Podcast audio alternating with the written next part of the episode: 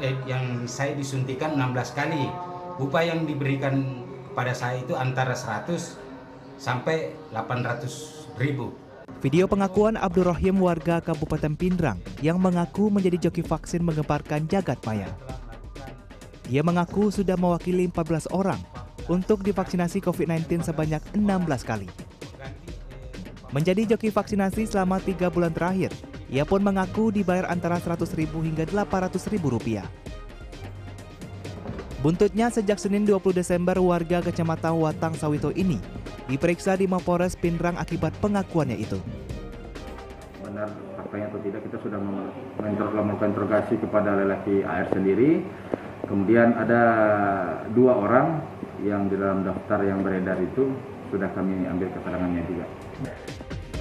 Hingga selasa sore, polisi sudah memeriksa enam orang saksi yang menjadi pengguna jasa joki vaksinasi.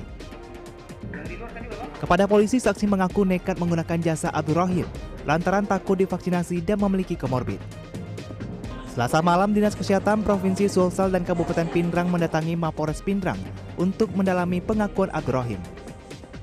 Tim juga mengambil sampel darah dan urin dari si joki untuk mengetahui efek yang ditimbulkan akibat vaksin yang dilakukan belasan kali tentu kita akan amati ke depan seperti apa nanti jadinya terhadap uh, reaksi uh, tubuh ya uh, yang dihasilkan atas uh, penyuntikan selama uh, 16 kali sebanyak 16 kali itu.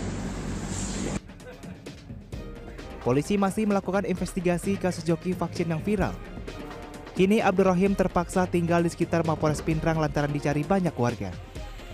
Tim Liputan CNN Indonesia.